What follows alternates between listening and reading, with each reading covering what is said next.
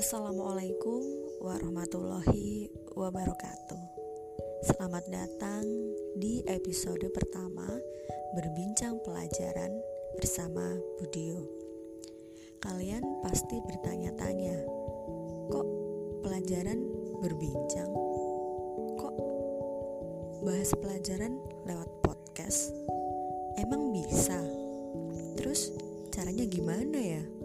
Emang nanti uh, bentuk pelajarannya kayak gimana?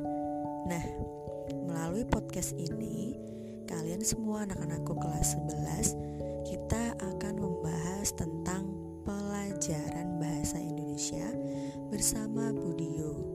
Kalian bisa mendengarkan podcast ini sewaktu-waktu, bisa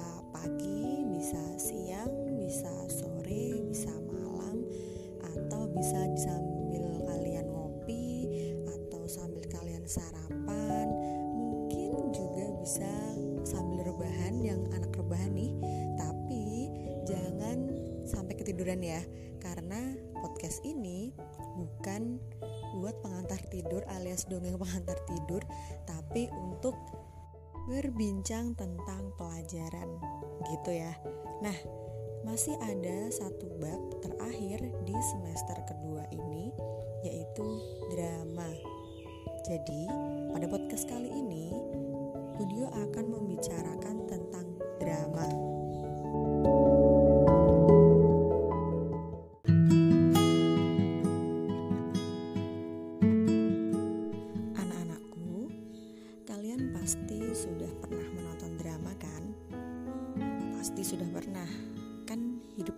juga sudah penuh dengan drama. Enggak bercanda. Yang dimaksud drama di sini bukan semata-mata drama tentang permasalahan hidup seseorang, tapi drama itu sendiri merupakan suatu cerita tentang tiruan kehidupan seseorang yang diproyeksikan di atas pentas. Kalian pasti pernah kan menonton film di bioskop atau misalnya yang anak-anak e, cewek ini pasti sering menonton drama Korea.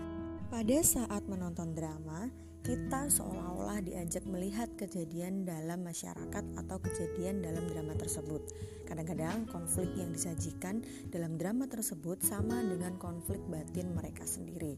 Drama sendiri merupakan potret kehidupan manusia, potret suka, potret duka, bahagia, sedih, pahit, manis, hitam, dan putih kehidupan manusia.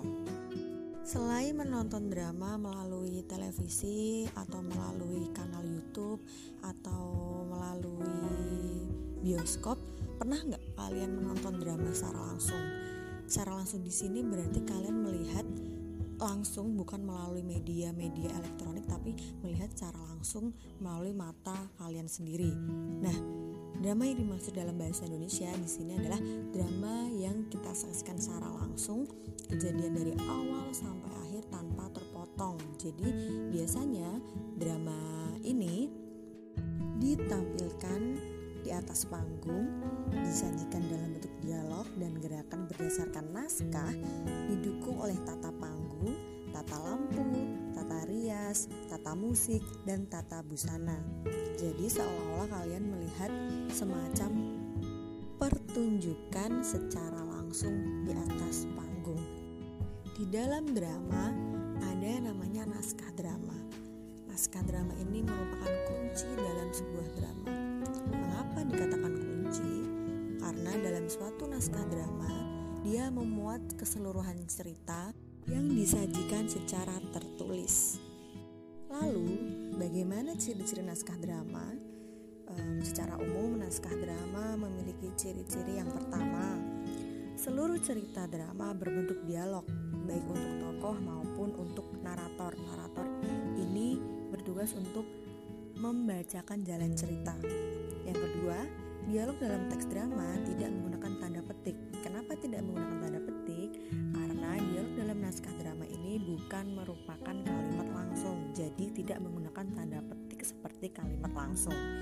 Naskah drama dilengkapi petunjuk tertentu yang harus dilakukan tokoh pemeran yang bersangkutan. Petunjuk tersebut ditulis dalam tanda kurung atau dapat juga menggunakan jenis huruf yang berbeda dengan jenis huruf pada dialog utama. Nah, petunjuk ini dinamakan kramagung. Yang keempat atau yang terakhir, petunjuk dalam naskah drama terletak di atas dialog atau di samping kanan dan kiri dialog. Bahasa yang digunakan dalam penulisan naskah drama cenderung menggunakan bahasa yang bebas. Bebas di sini memiliki pengertian karena uh, kita sedang membahas drama bahasa Indonesia, otomatis bahasa yang digunakan adalah bahasa Indonesia. Tetapi di sini memiliki kebebasan artinya tidak memiliki ikatan tertentu harus menggunakan syarat atau kaidah kebahasaan tertentu. Bahasa yang digunakan boleh menggunakan bahasa Indonesia yang baku. Yang pertama, yang kedua boleh menggunakan bahasa santai, tidak harus baku. Yang ketiga boleh menggunakan bahasa campuran antara mungkin bahasa Indonesia dengan bahasa Jawa, bahasa Indonesia dengan bahasa Inggris, atau bahasa Indonesia dengan bahasa yang lainnya. Kenapa boleh bebas, Bu? Karena dalam drama ini ada namanya dialog. Dialog ini diucapkan oleh kedua tokoh atau beberapa tokoh. Biasanya bahasa dalam percakapan ini cenderung bahasa yang santai, bergantung pada topik yang dibicarakan oleh beberapa tokoh bisa juga bergantung pada sifat masing-masing tokoh itu sendiri. Misalnya, ketika saya berbicara dengan murid-murid saya atau berbicara dengan kalian, saya bisa menggunakan bahasa yang santai. Tapi ketika saya berbicara dengan mungkin Bapak Menteri atau Bapak Gubernur, saya cenderung menggunakan bahasa yang formal. Jadi, bahasa di sini karena berbentuk dialog jadinya bahasa itu bersifat lebih mengalir dan lebih santai tergantung situasi dan kondisi. Untuk membentuk suatu drama dibutuhkan struktur dan unsur-unsur pembangun. Pada episode pertama kali ini kita akan terlebih dahulu berbincang tentang struktur drama. Pasti kalian sudah sering mendengar tiga struktur drama berikut ini. Yang pertama ada prolog, yang kedua ada dialog, dan yang ketiga ada epilog. Apa sih prolog, dialog, dan epilog? Yang pertama adalah prolog. Prolog merupakan kata pendahuluan dalam cerita drama. Prolog berperan menyiapkan pikiran penonton agar dapat mengikuti cerita yang akan disajikan. Biasanya, prolog sering berisi sinopsis cerita, perkenalan awal tokoh-tokoh, dan perkenalan konflik yang akan terjadi di atas panggung. Yang kedua adalah dialog. Dialog merupakan percakapan para pemain atau tokoh. Dialog dalam cerita drama menjadi media pengungkapan cerita. Dengan adanya dialog ini, kita sebagai penonton dapat mengetahui alur cerita drama lewat pemainnya. Dialog terdiri atas tiga bagian. Yang pertama, orientasi. Yang kedua ada konflik dan yang ketiga ada resolusi. Masuk ke bagian yang pertama yaitu orientasi. Orientasi merupakan tahap perkenalan atau pelukisan awal cerita. Jadi di bagian orientasi ini menentukan aksi dalam waktu dan tempat, memperkenalkan tokoh-tokoh yang ada dalam cerita, menyatakan situasi suatu cerita, mengajukan konflik yang akan dikembangkan dalam bagian utama cerita, dan kadang-kadang berisi bagian bayangan resolusi yang akan dibuat dalam cerita tersebut. Jadi, melalui orientasi ini, penonton sudah memiliki gambaran genre cerita. Misalnya, oh, ini ceritanya tentang percintaan, atau oh, ini drama ini bercerita tentang um, misteri, atau oh, drama ini bercerita tentang kepahlawanan, perjuangan seperti itu. Jadi melalui orientasi ini seakan-akan kita sudah sedikit mengetahui jalan cerita meskipun belum tahu konflik dan belum tahu um, ending atau akhir cerita akan seperti apa. Masuk ke bagian dialog yang kedua yaitu konflik. Konflik biasa disebut dengan komplikasi. Jadi konflik atau komplikasi itu sama saja. Jika kalian mendapat suatu pertanyaan uh, misalnya di ujian konflik atau komplikasi itu pengertiannya sama jadi tidak usah bingung apa toh konflik itu konflik merupakan bagian di pertengahan cerita bagian ini memaparkan tahap para pemain drama sudah terlibat dalam suatu persoalan pokok. Dalam bagian ini sudah terdapat insiden atau kejadian. Biasanya insiden inilah yang memulai plot drama sebenarnya. Jadi, insiden ini menjadi konflik dasar sebuah drama. Kejadian ini berkembang dan menimbulkan konflik-konflik yang semakin banyak dan rumit. Biasanya dalam bagian konflik ini terjadi perubahan nasib tokoh. Misalnya, ada tokoh bernama Pak Selamat yang dulunya dia tuh seorang yang kekurangan, seseorang yang bisa dibilang miskin. Kemudian ada suatu kejadian atau insiden sehingga dia menjadi seseorang yang kaya raya, memiliki segalanya, memiliki rumah mewah, mobil yang bagus, kemudian memiliki pekerjaan yang bagus, bisnisnya lancar. Ataupun sebaliknya, misal ada tokoh bernama Pak Hadi, dulunya sehat walafiat, segar, bugar badannya bagus gitu ya. Nah, ada kejadian atau suatu konflik, permasalahan dalam hidupnya, kemudian dia menjadi seseorang yang sakit-sakitan, seseorang yang lemah, seseorang yang sudah tidak bisa apa-apa.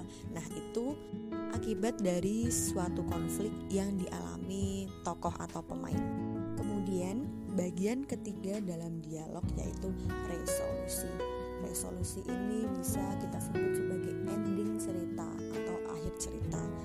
Bagian resolusi ini biasanya terdapat tahap penyelesaian masalah konflik yang memuncak pada pertengahan cerita akan semakin mereda. Dalam bagian ini akan terdapat pemecahan masalah. Konflik pun akan mulai memudar sehingga masalah biasanya terselesaikan. Yang terakhir adalah epilog, prolog, dialog, dan epilog. Epilog merupakan kata penutup yang mengakhiri suatu pementasan drama. Biasanya, epilog ini berisi simpulan isi cerita drama secara keseluruhan. Epilog juga bisa berisi amanat atau pesan yang dapat kita ambil, kita petik dari suatu drama yang telah kita tonton. Jadi dalam drama biasanya ada sesuatu nilai yang diajarkan oleh pemain, oleh narasi cerita atau oleh lakon-lakon cerita itu sendiri yang bisa kita terapkan dalam kehidupan kita secara nyata.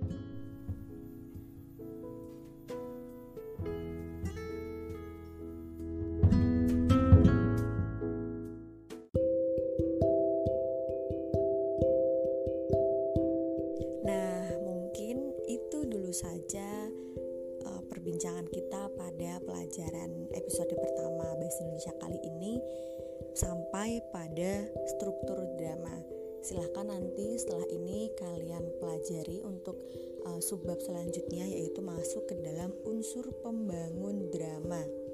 Nanti kita bertemu lagi pada episode-episode berikutnya. Jangan lupa tetap jaga kesehatan, tetap patuhi protokol kesehatan. Jangan lupa belajar. Kalau misalnya ada pertanyaan nanti boleh menghubungi saya melalui WhatsApp. Kita kan ada juga grup WhatsApp ya, teman-teman, anak-anakku.